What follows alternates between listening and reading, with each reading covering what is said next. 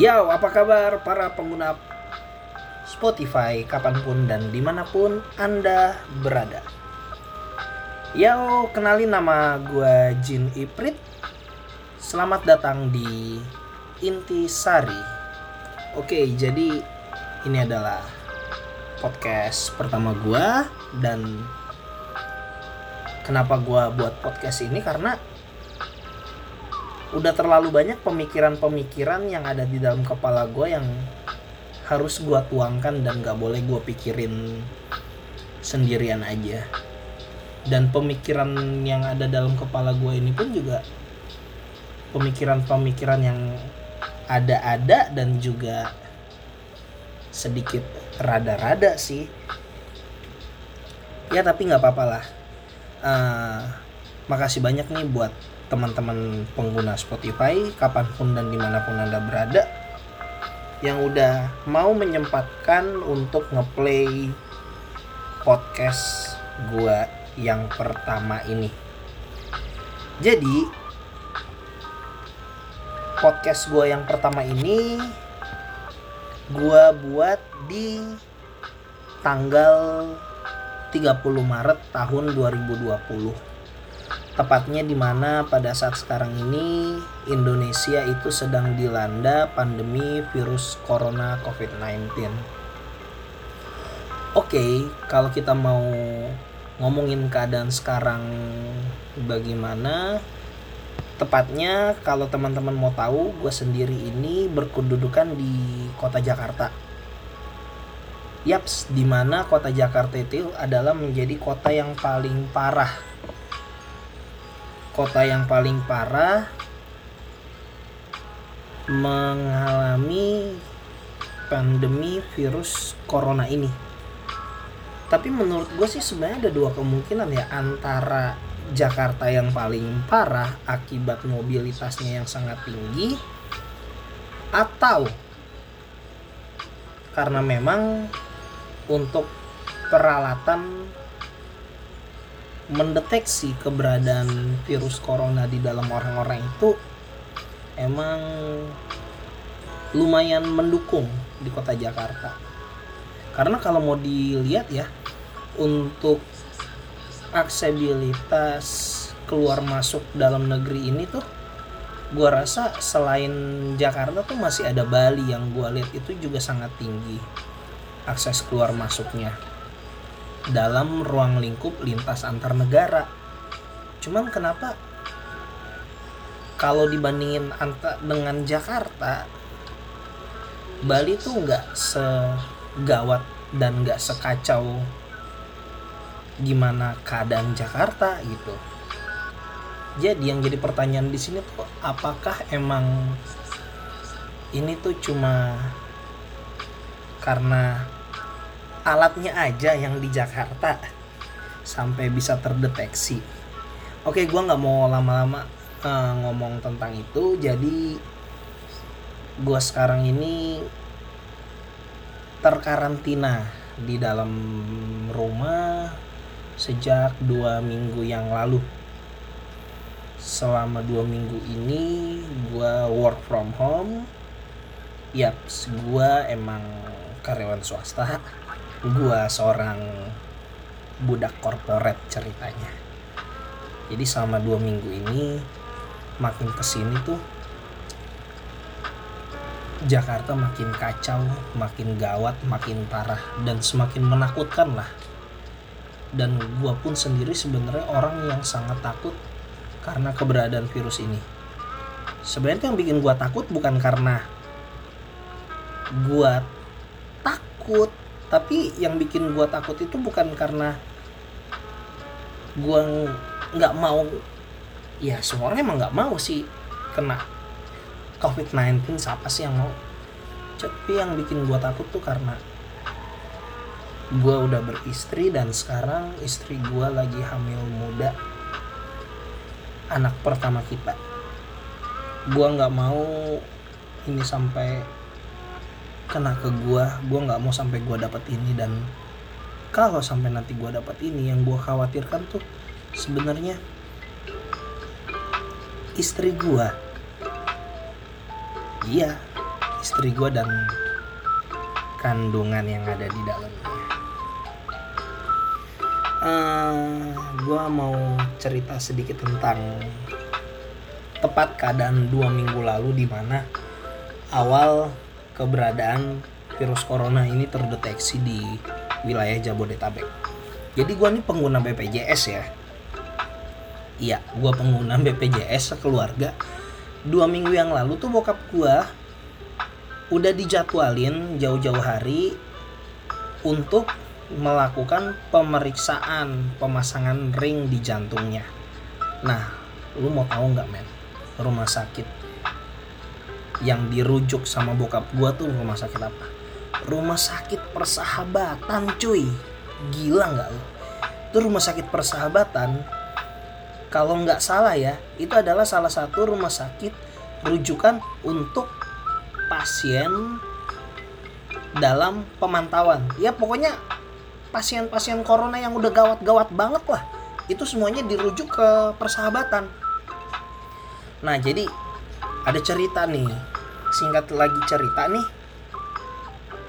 Uh, bokap gue udah masuk ke dalam udah dirawat. Gue waktu itu dapat giliran jaga malam bokap gue di mana malam itu adalah malam terakhir.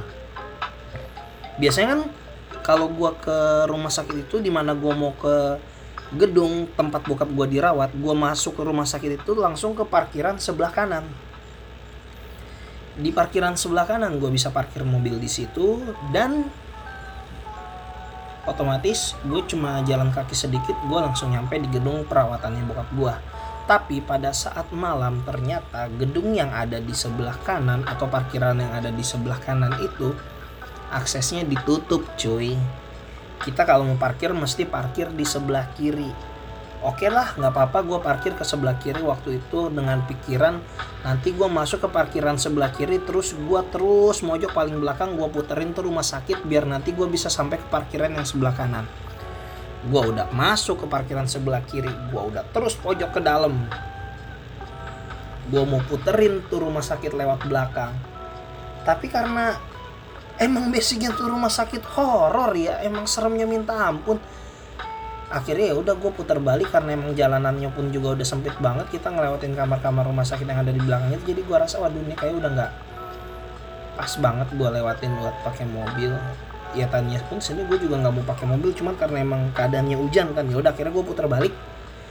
Gue parkir di bagian depan. Tapi sebelum gue nyampe di bagian depan tempat gue parkir di situ gue ngelewatin tempat atau gedung isolasi pasien corona.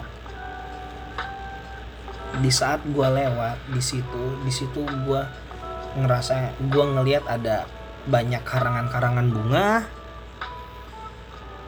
Pas gue lewat tuh emang gue rasain bulu kuduk gue pada merinding cuy.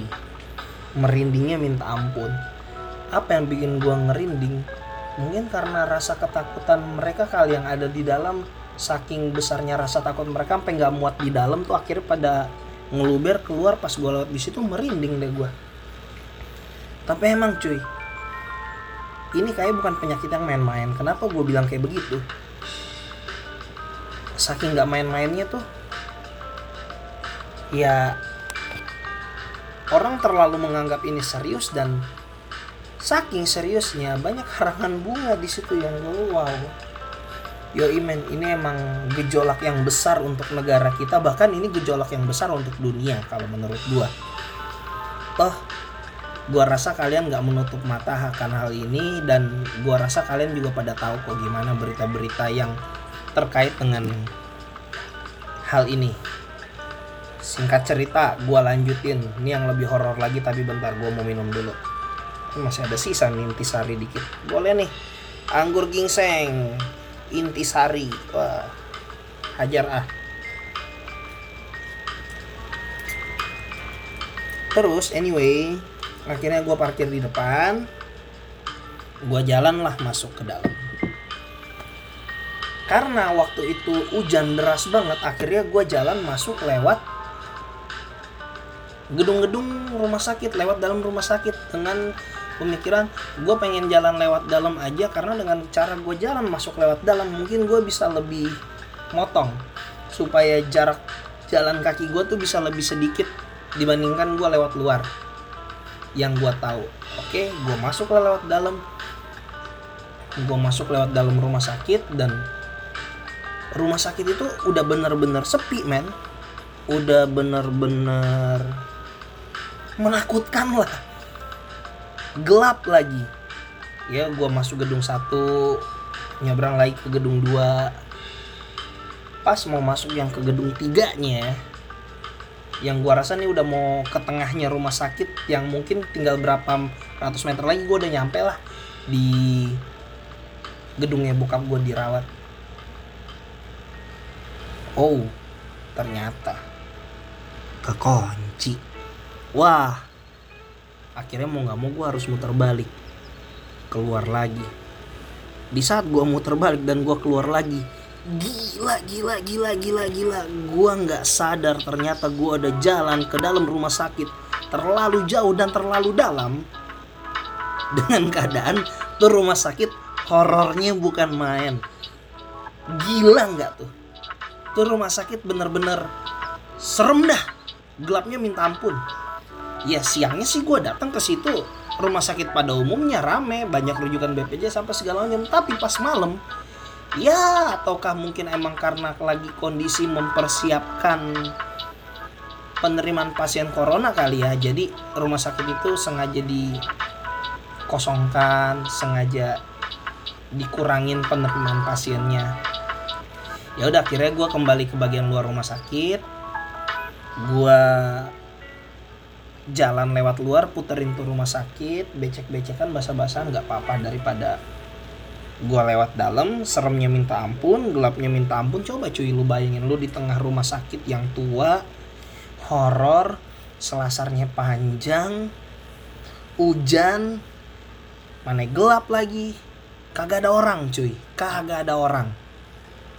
Lu bayangin gimana lu kagak keder lu mau lewat situ juga kagak bisa sih soalnya emang kunci kan. Untungnya aja pas gua keluar gua masih tahu jalan. Kalau gua keluar kagak tahu jalan lagi nanti pas gua mau lewat pintu yang mau gua lewatin ke kunci waduh mana sableng dah tuh gua.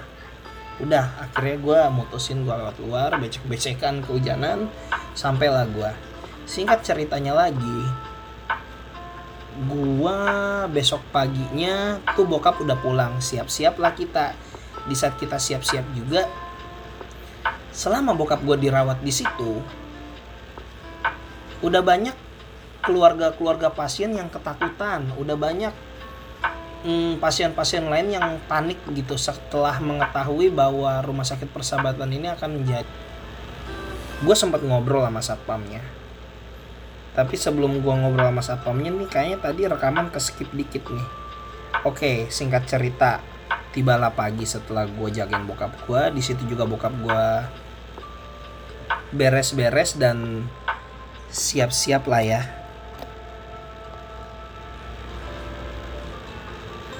Setelah bokap gue beres-beres, gue juga sempet ngeliat ada keluarga pasien lain yang ketakutan, pasien lain yang merasa panik setelah mengetahui bahwa rumah sakit ini bakalan jadi rumah sakit rujukan untuk pasien yang positif mengidap virus corona.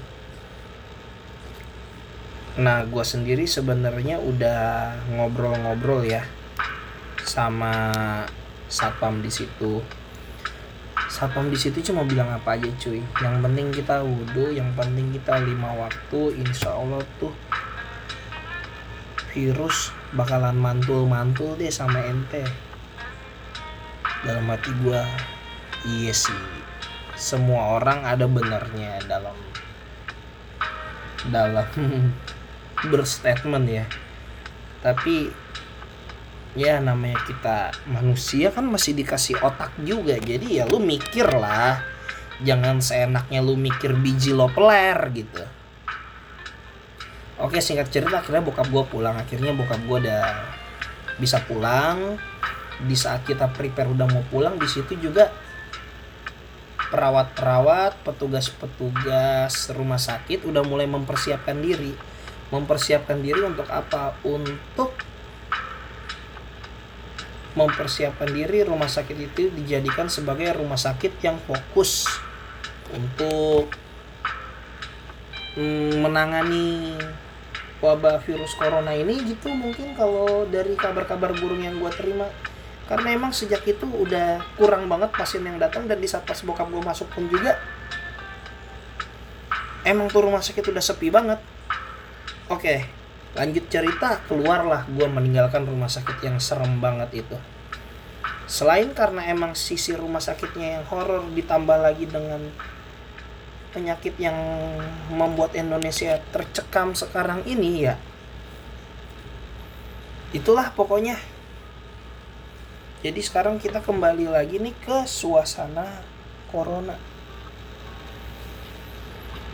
kemarin gue ke apotik. Uh, gue ada sedikit trouble sama kandungan bini gue itu ngebuat gue panik. Gue nggak tahu harus ngapain. Kita nggak berani ke rumah sakit. Untuk keluar rumah jangankan ke rumah sakit keluar rumah dulu deh. Kita kagak berani. Rumah sakit yang paling dekat sama rumah gue ini ya rumah sakit RSUD gue mikirnya wah ini RSUD jangan sampai ini sarangnya nih ya. Pokoknya namanya rumah sakit kan sarangnya penyakit ya. Apalagi kita juga sekarang lagi masa-masa kayak gini ya. Ya udah intinya kita parno aja. Ya udah akhirnya kita nelpon temen temen gua punya bini kebetulan bidan dan temen gue ngasih bininya temen gue ngasih gue resep. Hmm, bukan resep sih sebenarnya tapi kasih tahu obat ini. Coba ke apotik. Sebenarnya itu adalah obat yang pakai resep ya guys. Akhirnya gue ke apotik. Gue ke apotik itu hari Sabtu kemarin. Gue ke apotik gue masuk apotik. Gue nggak tahu orang yang ada di apotik tuh pegawainya petugasnya segala macam pikirannya kayaknya udah bener-bener campur aduk kacau balau deh men. Karena obat yang gue minta obat yang mau gue beli itu obat yang harus menggunakan resep dokter wah kagak tau deh gue nama obatnya apa anda tuh lagi tuh lupa. Intinya gitu dah men. Gue masuk apotik dia nanya obat apa? Gue bilang obat ini. Terus dia bilang bentar dicek dulu. Dia cek ada. Terus dia bilang mau berapa? Gue bilang mau segini. Ya udah bayar. Men jadi sekarang mekanismenya tuh orang di apotik. Tinggal lu datang ke apotik lu bilang mau obat apa ada bayar. Udah gitu doang lu mau tuh obat resep kek lu mau tuh obat kagak resep kek gua kagak usah sebut wilayah apotik mana ya. Cuman apotik yang kemarin gua datengin udah kayak gitu udah nggak ada lagi minta-mintaan resep. Karena emang sih petugas apotiknya gue lihat di sini cuma 3-4 orang dan kita di apotik itu udah rame banget orang yang mau beli segala macem sampai emak-emak mau beli odol atau mau beli obat kumur doang sampai ke apotik mak tuh padahal di Indomaret juga banyak. Ya udahlah itu bentuk kekesalan gue kali ya. Cuman nih gue pengen ngajak lu menuangkan isi pikiran. Lu selama ini pernah nggak sih sedikit mikir yang enggak enggak atau yang kurang ada ada gitu yang agak sedikit mencong lah pemikirannya. Anggap aja nih gue pengen ngajakin lu semua menghayal gitu. Di sini nih inti dari podcast gue lu pernah nggak bertanya-tanya tentang asal usul virus corona? Atau lu pernah nggak research research di Google gitu tentang nih virus corona sebenarnya dari mana sih? gitu. Pernah kagak? Men lu kayak gitu. Pasti pernah kan. Gue pun sendiri juga udah pernah research kok di Google tentang corona. Dan ada kemungkinan yang gue yakinin gua yakinin doang ya. Tapi itu nggak 100% dapat terbukti secara sains dari ilmuwan yang sementara masih melakukan penelitiannya yang pertama tuh karena penularan penyakit dari kelelawar ke ke mana? Ke manusia. Terus manusia ya ke manusia yang lain-lain lain-lainnya lagi. Yang kedua nih karena yang makin ke sini tuh mobilitasnya manusia tuh makin kekencengan gitu. Nah, karena makin kencengnya, akhirnya uh, pintu atau gerbang penyakit yang tidak tidak terjamah selama ini akhirnya mulailah muncul.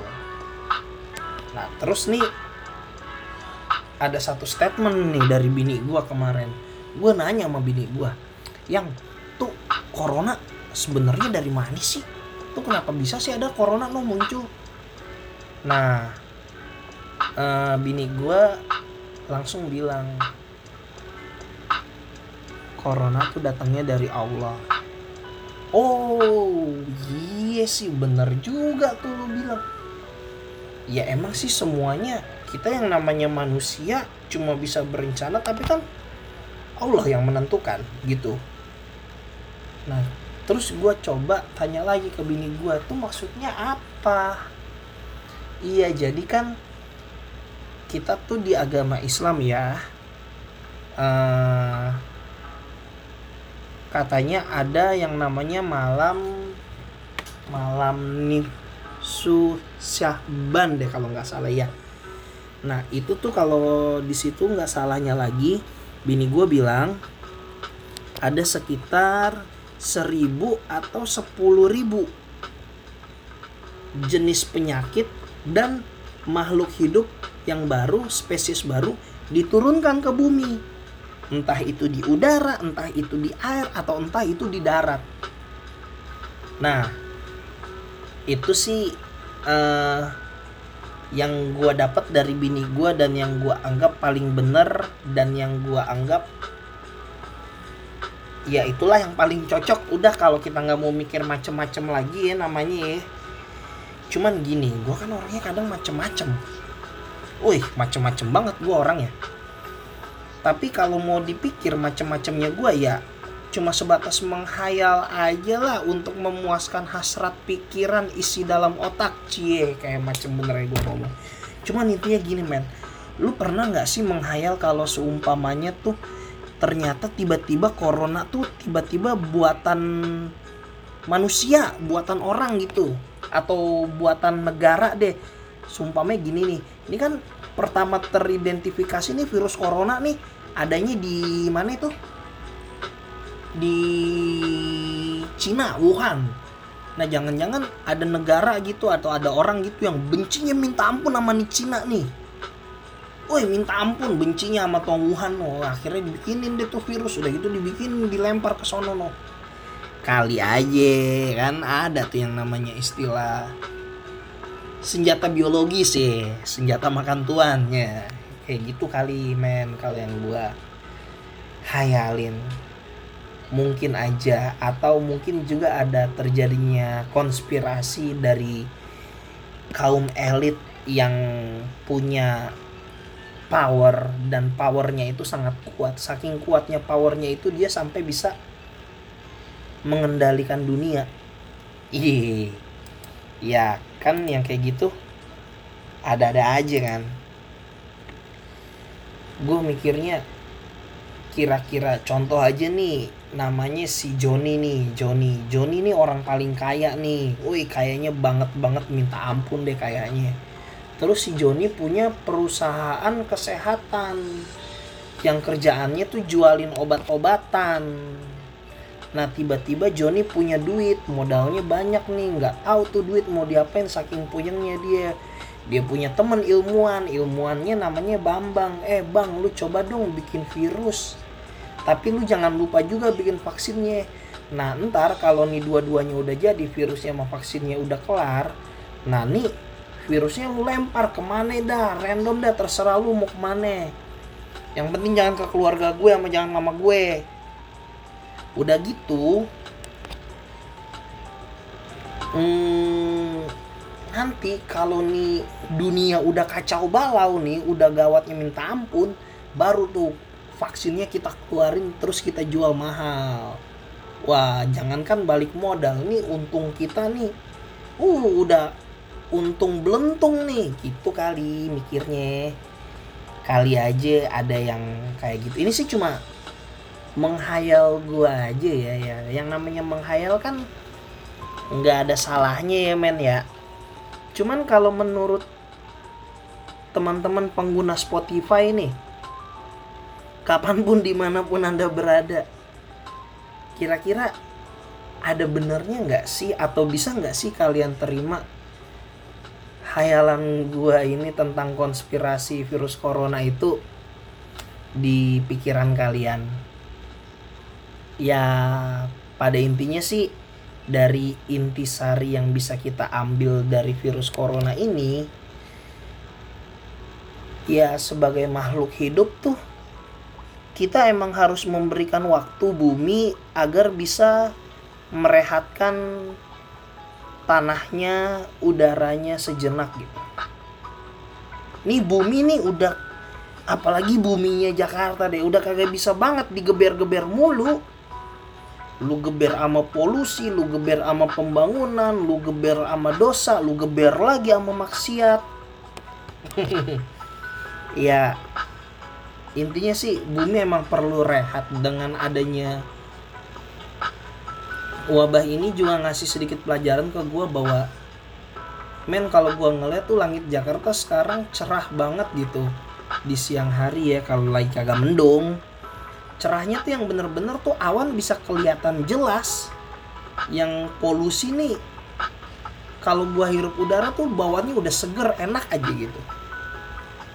Dan buat kita pun juga orang-orang Indonesia yang masih menyalahkan pemerintah menurut gua ya gua nggak ngebelain pemerintah tapi untuk pemerintah sendiri itu harus lu kasih waktu men pemerintah tuh juga perlu waktu.